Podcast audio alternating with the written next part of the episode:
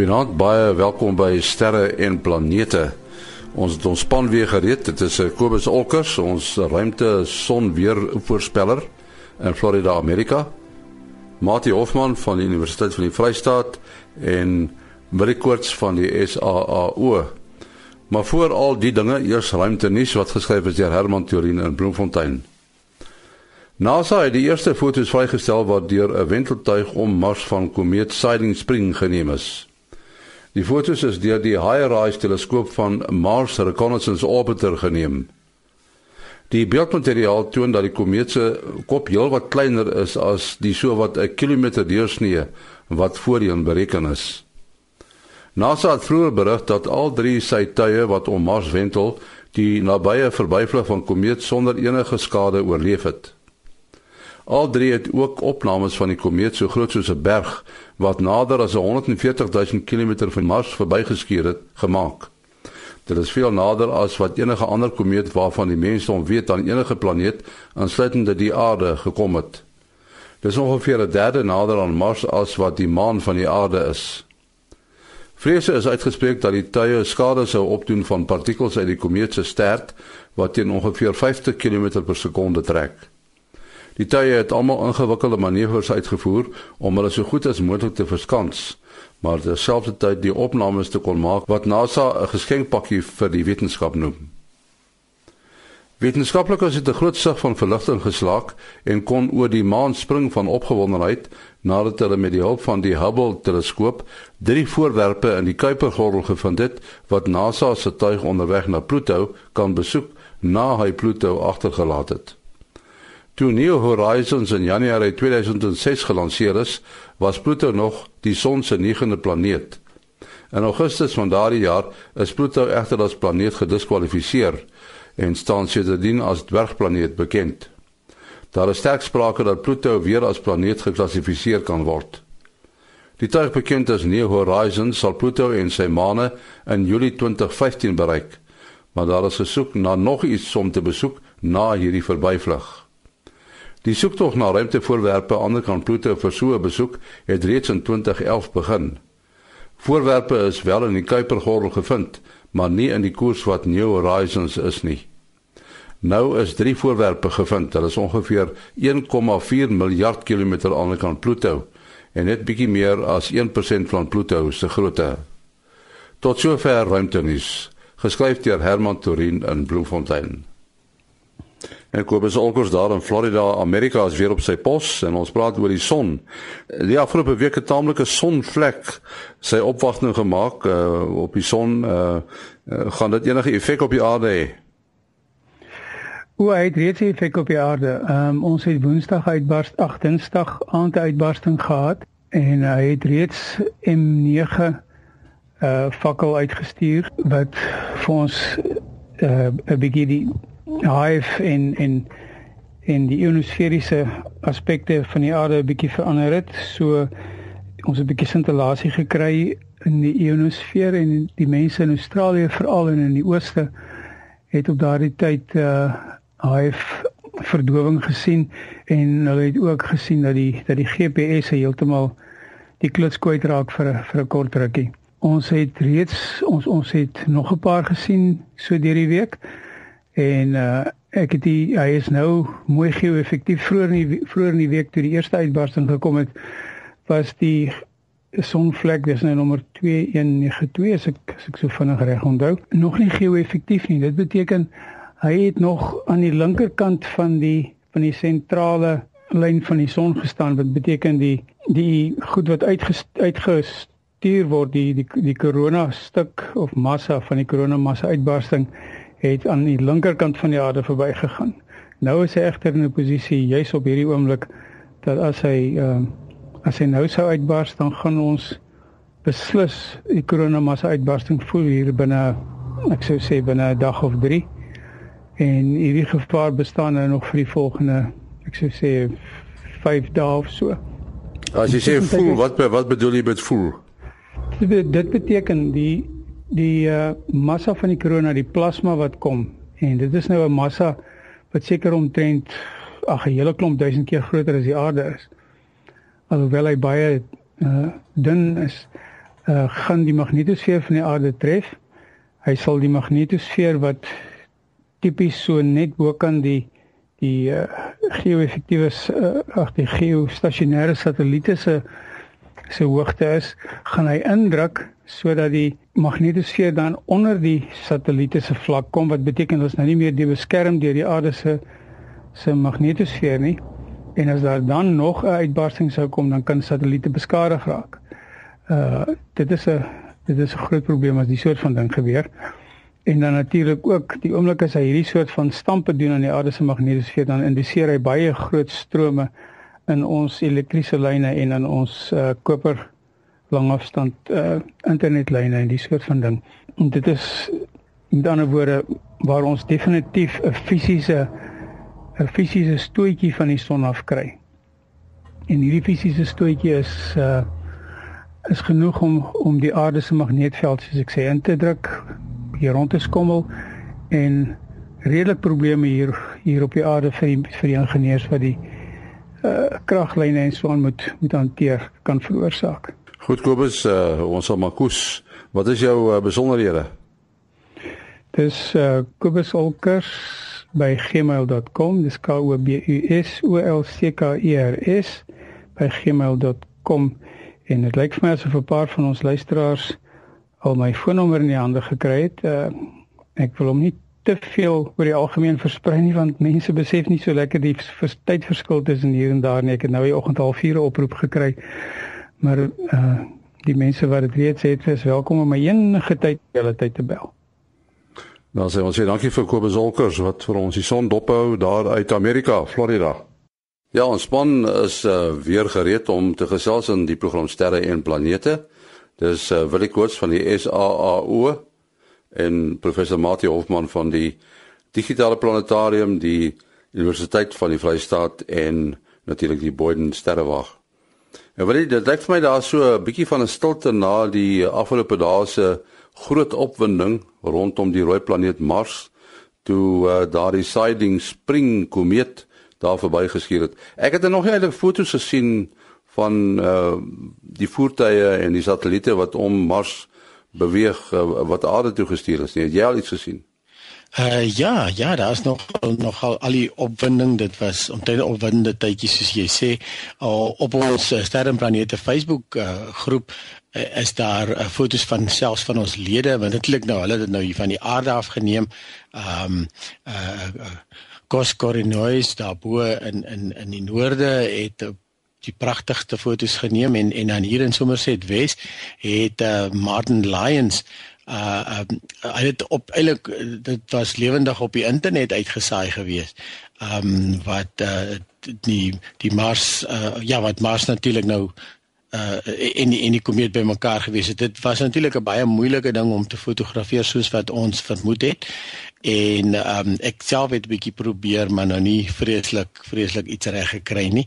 Um, ja, maar wat die ruimtetye aanbetref, hulle was natuurlik nou uh reg op die ringside seats gehad, kan jy maar sê. Uh reg reg by die aksie om die waarheid te sê ons het mos berig dat hulle het self hulle bane so 'n bietjie aangepas sodat hulle bietjie verskuil was agter die uh, agter die uh, planeet self. Nou uh, die die eerste foto wat uitgekom het was van die mas um, die opportunity die karretjie wat wat uh, van die ouer karretjies wat daar uh, nog rondry wat nog lewendig is. En um, hulle het sy wyhoek kamera gebruik. So natuurlik die uh, die komeet self is maar net 'n baie klein kolletjie. Ek sien baie mense wat eh, was vreeslik teleurgesteld geweest. Iemand het self gesê hy dit stem nie ooreen met die ontploffing wat hy ergens gesien het. Nou ja, me, mense sien sien vreeslike goeters en en uh um en neem vreeslike goeters af. In die geval het die komeet omdat die komeet so na aan die planeet verby beweeg het uh van die planeet af self het dit reg vinnig vinnig gebeur. So hulle het nie vreeslik baie kans gehad vir fotos neem nie. En dan het die die die MRO die Mars Reconnaissance Orbiter het uh, ook uh, al fotos vrygestel. Hierdie fotos het klink nog baie aanvanklik nog eers so hulle sal dit nou beter verwerk en so maar net eers om die nuuskierige mense uh uh, uh bietjie die nuuskierigheid te demp. En um So dis nou natuurlik nou nie die wonderlikste foto van ehm um, van 'n komeet nie. Uh, natuurlik een van die redes is is is omdat Mars natuurlik nou ander omstandighede met atmosfeer en so aan en ehm um, die die Mars Odyssey en en die Maven uh ruimtetuie het ook al twee data geneem. Die die Odyssey was nie sigbaar van die aarde af met die verbyvlug nie. So die data sou natuurlik agterna afgelaai geword het. En die Maven doen natuurlik metings eerder as fotos en ehm um, en as eintlik nog in sy ingenieurs stadium om al sy instrumentasie reg te kry maar maar het het skielik gou aan die werk gespring. En die eerste resultate kan jy amper sê het al klaar uitgekom uh, in dat hulle bevind dat die komeet is omtrent die helfte so groot as wat hulle aanvanklik ge, geskat het. Ehm um, so dit is omtrent so 'n half myl, soos omtrent so 'n kilometer in deursnee uh, wat hierdie wat hierdie komeetjie is. Ja, een van die probleme is natuurlik dat uh, as 'n mens nou so iets wil afneem hier van die aarde af, is dat uh, die planeet Mars is is is baie helder nee en dit is dan moeilik om hierdie dowwe kolletjie langs aan af te neem. Ja, dit dis presies die probleem en ehm um, jy kan ook sien almal wat foto's geneem het, ehm um, omdat jy dan so moet oorbelig amper om die komeet te kan sien, uh, raak Mars heeltemal net 'n blok. So mense kan uit die aard van die saak natuurlik nooit nooit geen enige oppervlak uh, uh details sien van die van Mars nie, maar jou optika begin selfs ook vir jou allerhande weerkaatsingkies te gee en so aan. En dit is dink ek die meeste mense se probleem wat dit probeer fotografeer het. So mense wat bietjie ondervinding gehad het, soos Kos byvoorbeeld, kan jy sien het het dit baie maklik reg gekry en dan ook Martin Lyons mense met goeie goeie toerusting en en wat wat al voorheen hierdie hierdie tipe van goed probeer het. Wat ek nou opwindend gevind het is op van die fotos wat nou nie kom sê mooi fotos was nie, maar dat jy in 'n kwessie van kom ons sê nie baie minute nie as die foto nou opdateer word, kan sien daai dowwe kolletjie wat amper maar hy kom so net net bo die geraasvlak uit uh, van die fotos wat ek gesien het, het beweeg. En dit is nou as jy nou verstaan wat daar aangaan, uh, waarin die skoonheid lê, nie omdat dit op sigself 'n mooi foto is wat naasby vergelykbaar is met die wye fotos wat ons van komete al gesien het met hulle sterte en koma nie. Uh maar in die wetenskap van wat daar gebeur, want hier het mens hierdie voorwerp wat 'n baie baie lang reis gereis het. Ek uh sien hulle sê hy het ongeveer 2 miljoen jaar geneem om daai die oortwolk uiteindelik hier aan te kom. Nou dink nou net uh hoe groot is die ruimte waardeur hy beweeg het en van al die moontlike plekke waar hy kan beweeg, het hy daar amper op dieselfde tyd op dieselfde plek by Mars gewees. So uit 'n waarskynlikheidsoogpunt is dit baie baie raar en dan nou die hoë relatiewe spoed van die Mars het in een rigting in sy baan om die son beweeg, maar hierdie komeet wat nie deel van die normale patroon van die beweging van die planete in dieselfde rigting in hulle bane om die son nie. Hy het sy heeltemal sy eie baan en dis nou nie heeltemal kop aan kop wat hulle teenoorgestelde rigting sien maar uh, uh, wil dit staamlik naby aan in teenoorgestelde rigtings. Dit beteken dis 'n geweldige hoë relatiewe spoed waarmee hulle daar by mekaar verbygesnel het. Daar's wel een foto wat Willie op ons Facebook groep gedeel het wat jy gesê die mooiste foto's wat jy gesien het. Bietjie weier maar wat nogal mooi skoon was met die jy kan Mars duidelik sien en dan sien jy iets wat soos 'n komeet lyk. Dit nie net is soos 'n stukkie geraas nie. Ehm um, ek kan nie onthou wie daai foto geneem het of dit een van Kosse fotos was. Uh maar jy het dan spesifiek op die groep gedeel as nou een van die uh, beste fotos wat jy gesien het. Ja, dit is dit is Kos Kronikus daar, daar van van ehm um, Limpopo. So Suidwesberg, ja, die mees noordelikste st noordelike sterrekundeklub in Suid-Afrika. Ja, hulle neem fantastiese goeders daar van bo af. Maar die een van die professionele sterrewagte daar uit Europa uit uh wat nou ook so suksesvol uitgesaai het.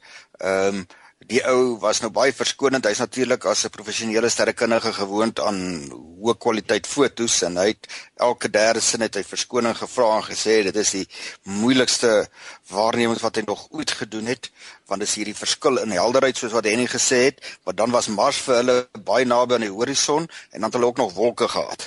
Maar in midde van dit alles kon hy bydra tot die opwinding wat mense kon sien hoe daardie komeet verby Mars beweeg in die kwessie van die uh sê ongeveer 'n uur. Ja, ons praat nou van die komeet wat uh, wat uh, Mati uh, gesien beweeg het in die sin dat dat hy posisie verander het. Wat my nou bring by die volgende vraag, die die spoed van komete soos hy deur die ruimte beweeg. Is daar 'n bepaalde spoed en wat beïnvloed uh, die die spoed van voorwerpe wat deur die ruimte beweeg, Mati? Uh en nee, dit gaan van, van verskil van komeet tot komeet, maar wat wel ge, gemeenskaplik is tussen die komete, anders as die planete en asteroïdes, het hulle baie baie plat elliptiese bane. Dit beteken hulle gaan draai baie baie ver weg daar buite julle ek sê nou in die Kuiperbelt omgewing of selfs verder uh in die sonnestelsel gemaak hulle verste draaipunt, hulle aphelion en dan hulle perihelion is dan nou uh weer sê ongeveer die afstand van die aarde vanaf die son of nader. En natuurlik as iets dan nou so na die son toe kom in sy baan, dis amper dit is maar soos asof hy na die son toe val en dan spoed optel uh en hulle gaan dan in die tyd wat hulle na die naby die son is, kan mens hulle baie vinnig van aand tot aand kan jy sommer sien dat jy wat beweeg in die lug as jy met jou blote oog of met 'n verkyker sou kyk. Dis natuurlik nou as hy helder genoeg is. Maar daarteenoor as jy nou sê 'n jaar voor die tyd ga, uh, gaan kyk terwyl die komeet nog op pad is, dan lyk sy beweging relatief tot die ander sterre van aand tot aand baie klein. Dis amper soos 'n vliegtyg waarna mens kyk. As hy baie ver van jou af is en hy vlieg min of meer in jou rigting, dan kan jy amper nie sy beweging sien nie. Tot hy naby is, dan snel hy by jou verby.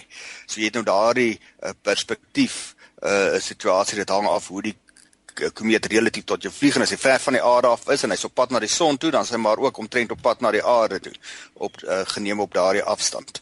Uh so uh, en nie so, ons sal waarskynlik hierso praat van snelhede wat uh, groter is as die asteroïde uh in die meteore wat die aarde se atmosfeer bykom. In daai geval sit in die omgewing van 50 km per sekonde. So in die geval van die komete as ons nou van relatief tot die aarde of die son werk sal dit uh ek skat maklik 2 maal 3 maal vinniger as dit kan wees. Uh maar daar kan wil jy my daai help met bietjie meer besonderhede. Ja, nee, ek het ook nou nie 'n klinklare antwoord nie. Ja, en en jou verduideliking van die van die perspektief is is ook interessant en dan natuurlik hier het jy 'n 'n kombinasie van 'n perspektief plus die komeet wat dan selfs fisies ook vinniger beweeg. So uh, soos jy sê as jy by die by om die son kom draai afhangende natuurlik van hoe na om die son uh um, dan dan gaan dan gaan jy hierso by geweldige snelhede trek. Um maar jou gemiddelde snelheid is ek seker min of meer reg soos jy sê hier hierso so 3 4 maal so groot vinnig soos 'n asteroïde wat jy uh wat dan die die atmosfeer inval. As jy mens nou na uh diagramme kyk van ons eie sonnestelsel, dan sien jy mens dat 'n uh, planeet soos um, Mercurius, die beweeg teen 'n bepaalde uh, spoed en dan as jy nou vat 'n uh, planeet soos byvoorbeeld uh, Jupiter beweeg teen 'n bepaalde spoed sou matie sou die son 'n rol speel uh, om die spoed van planete te bepaal Ja sekerlik dit gaan nou daaroor Kepler se ehm dat ons so sien Kepler se eerste wet, tweede wet, die derde wet van Kepler gee die verband tussen die uh die periode van die uh, van die voorwerp, anderswoorde hoe lank vat hy om sy omwenteling te voltooi? Nou die komete wat ons goed ken, ken ons goed omdat hulle in 'n 'n periodiese baan is. Met ander woorde, hulle kom verby en hulle kom na 'n sekere tyd weer verby. Sekere komete het baie baie lank periodes, miskien 'n paar duisend jaar so. Uh, enige geslag sal hulle een keer sien en ons weet bloot uit die geskrifte uit hulle was al voorheen hier. Anders sal mense daarom dalk miskien twee keer in jou uh leeftyd kan sien uh hulle se komeet is amper te lank. Dit is mos so 76 jaar. So dit is nou al 'n uh, so 'n medium periode uh komeet en die kort periode komete gaan hier so na 2 3 jaar toe. Nou die periode en die grootte van die baan uh hou met mekaar verband. Die Kepler se wet sê die kwadraat van die periode is eweedig aan die derde mag van die semi-hoofas. Die semi-hoofas is die analoog van die sirk, uh, radius van 'n uh, sirkel. Maar dan die massa van die uh son of as dit nou omwenteling om 'n ander ster is uh sal dit die massa van daai ster wees en as dit nou gaan uh, oor 'n satelliet wat om die aarde wentel, is presies dieselfde fisika, dieselfde vergelykings. In die geval van 'n satelliet om die aarde is dit weer die uh, massa van die aarde wat dan nou daar sou uh, kom. So gegee dieselfde afstand en jy uh, vat omwenteling om 'n massiewe voorwerp soos die son teenoor omwentelings om 'n voorwerp soos die aarde gegee dieselfde afstand, dan sal in die geval van die groter massa sal die uh omwenteling baie vinniger wees want hy moet baie vinniger uh beweeg om die aan mekaar daai voorwerp mis te val as ware. Maar nou kry mense uh, in 'n bietjie groter verband dat ons son die uh draai saam met al die ander sonne, die ander sterre in ons galaksie om 'n sentrale punt. Ek dink ons son vat so 225 miljoen jaar om eenmal om te beweeg. So hy's ook periodies. Uh dieselfde wet uh, geld seker daar. Nou is die vraag net wat is dit in die middel van ons galaksie wat uh, hierdie goed bepaal? Is dit die gravitasiekolk? En uh nee nee, dis nie so eenvoudig nie. Daar is gelukkig in die fisika is daar 'n paar dinge wat ons baie help wat vir ons uh, in staat stel om 'n baie moeilike probleem baie makliker te maak. So as jy nou dink hoe wat bepaal hoe die aarde nou uh, die kos wel, nie die aarde nie, die hele sonnestelsel by die son wat ons vashou. So jy kan nou maar dink aan die beweging van die son en die res van ons volg nou maar die beweging van die son. Uh die son word aangetrek deur elke ander ster of massiewe voorwerp in die Melkweg en daai sterre lê in alle rigtings. Maar as ons nou aanvaar dis 'n redelike mooi uniforme verspreiding op die groot skaal rond dan kan mens sê jy kan die aantrekking van al die voorwerpe wat verder as die son vanaf die middel van die Melkweg is, kan jy ignoreer, hulle kanselleer uit en die res wat nader as die son aan die middel van die melkweg is, jy kan al hulle massas bymekaar tel en 'n denkbeeldige voorwerp by die middel van die massa liewers by die middelpunt van die uh, melkweg sit uh met die totale massa van al die voorwerpe wat nader as die son aan daardie middelpunt is. En dan kan jy die beweging van die son beskou asof al daai massa daar gekonsentreer is.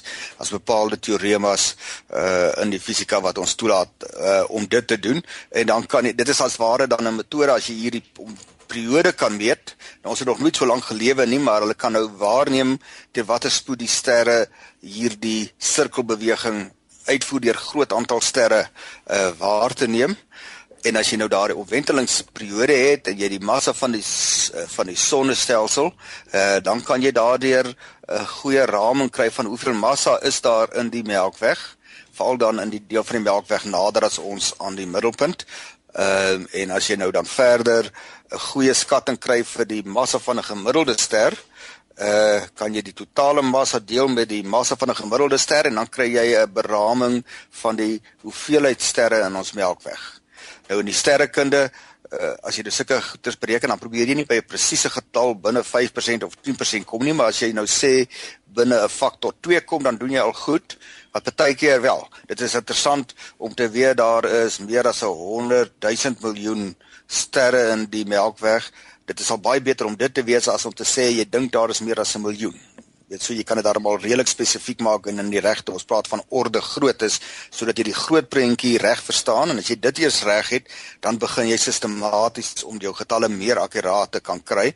Uh nou daar's sekere goed wat baie akkuraat in die sterrekunde gemeet kan word so sê nou maar die periode van van die pulsare, die neutronsterre wat in die rondte draai wat jy nou met baie groot akkuraatheid werk. Maar andersins as jy antwoorde binne 10% kry, dan doen jy al baie goed as jy dink hoe moeilik dit is om hierdie goed te, te gaan bereken. Ja, ja en en soos Mati dan nou sê, jy kry baie maal dat mense gaan uh, uh, sê maar die wetenskaplikes kan ook besluit hoeveel sterre is daar in die ding of wat is die massa van die ding of wat is die afstand want die as jy in een bron kyk dan kry nou die sterre 10 ligjare en ander sê 12 ligjare en ander sê 8 ligjaar en en ehm um, ja, soos maar okay, ek praat eintlik nog van baie naby afstande hier wat baie meer akkuraat is dit sal wees, maar die verspreiding sal natuurlik baie kleiner wees, maar as jy nou op groter afstande begin kom waar die antwoorde moeiliker en moeiliker raak, uh en die berekeninge moeiliker en moeiliker raak, dan uh, dan gaan jy verskillende antwoorde kry. En ehm um, wat jy ook baie maal moet na kyk is die plus en min aan die agterkant. Nou ons het in Afrikaanse slegte gewoonte om te sê dis plus minus so ek gaan plus minus 2 minute wegbly.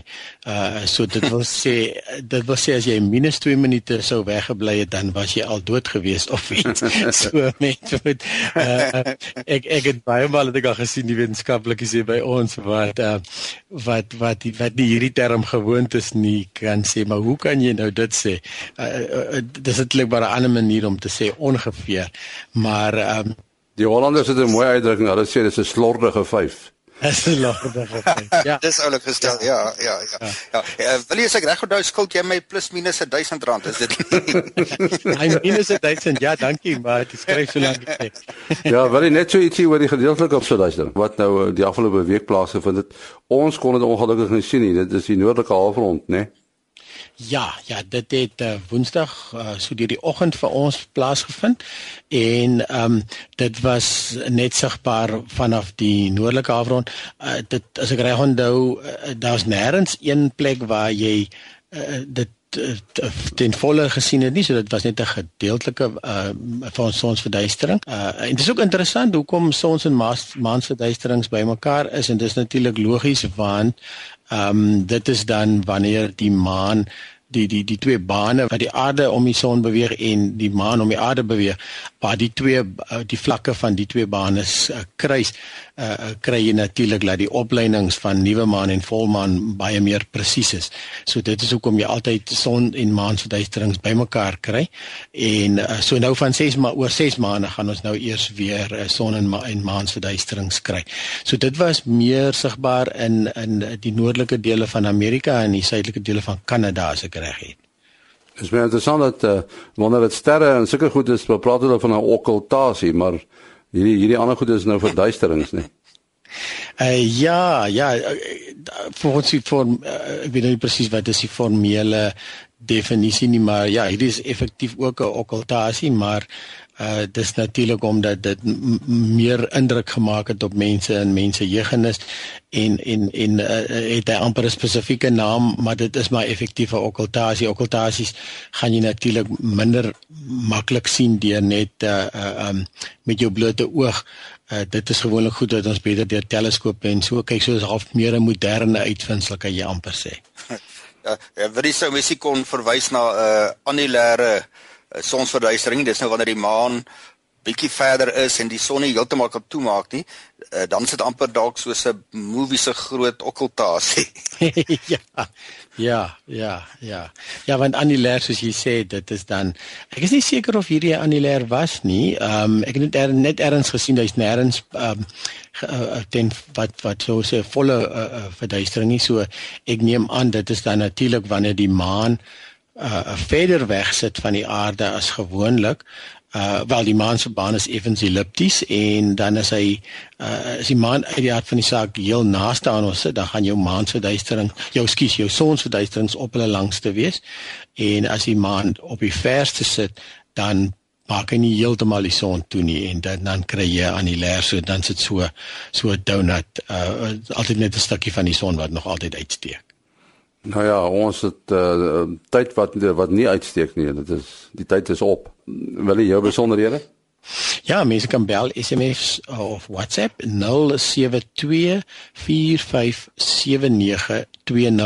0724579208. Mati Uh en en plus minus 5 sekondes wat oorbly, selfoonnommer 0836257154. 0836257154. En my e-posadres maas.henny@gmail.com. maas.henny@gmail.com. Tot 'n volgende keer. Alles van die beste.